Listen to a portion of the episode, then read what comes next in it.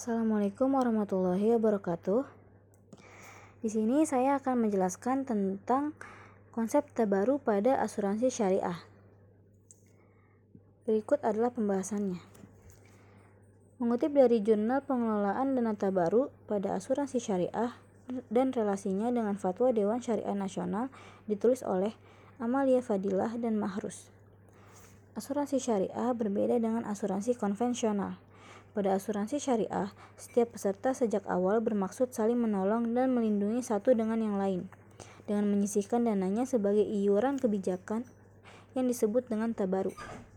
Artinya, sistem asuransi syariah tidak melakukan pengalihan risiko atau risk transfer di mana tertanggung harus membayar premi, tetapi lebih merupakan pembagian risiko atau risk sharing, di mana para peserta saling menanggung. Kemudian, akad yang digunakan dalam asuransi syariah harus selaras dengan hukum Islam atau syariah. Artinya, akad harus terhindar dari goror atau penipuan, maisir atau perjudian, riba, zulm atau penganiayaan, riswah atau suap. Di samping itu, investasi dana harus ada harus harus pada objek yang halal toibah, bukan barang yang haram.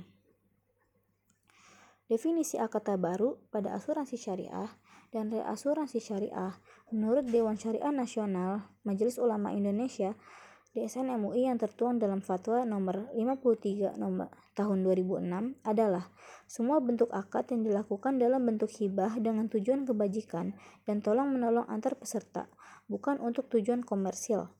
Akad baru adalah bentuk akad yang harus ada di dalam asuransi syariah yang dilakukan dalam bentuk hibah dengan tujuan tolong menolong antara peserta asuransi syariah dan tidak untuk tujuan komersil.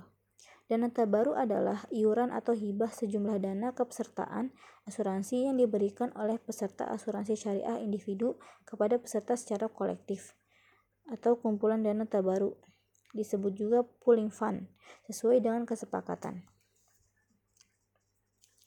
Akad pada asuransi syariah adalah akad tabaru atau hibah untuk hubungan sesama peserta di mana pada dasarnya akad dilakukan atas dasar tolong-menolong atau ta'awun. Untuk hubungan antara peserta dengan perusahaan asuransi digunakan akad tijaroh atau ujroh. Mudorobah atau bagi hasil, kemudian mudorobah musyarakah, kemudian wakalah bil ujroh atau perwakilan, wadiah atau titipan, syirkah atau berserikat. Fatwa Dewan Pengawas Syariah Nasional Majelis Ulama Indonesia DSN MUI nomor 53 tahun 2016 tentang akad baru pada asuransi syariah. Perusahaan asuransi takaful keluarga menerapkan pemisahan entinitas pengelolaan dana menjadi tiga akun, yakni dana tabaru, dana investasi peserta, serta dana perusahaan. Pembayaran klaim dialokasikan dari pos dana tabaru yang sejak awal telah diniatkan untuk kepentingan tolong-menolong di antara peserta jika terjadi musibah. Dalam kondisi pos dana tabaru mengalami defisit, menjadi kewajiban bagi perusahaan untuk menalanginya menggunakan dana perusahaan. Sementara pos dana peserta selamanya menjadi hak peserta yang menjadi tanggung jawab takaful keluarga untuk mengelolanya melalui instrumen investasi yang disepakati bersama. Dalam praktik di takaful keluarga, pengelolaan dana tabaru belum mengetahui bagaimana sistem pengelolaan dana tabaru tersebut dan apakah sudah sesuai dengan prosedur yang berlaku di dalam fatwa DSN MUI.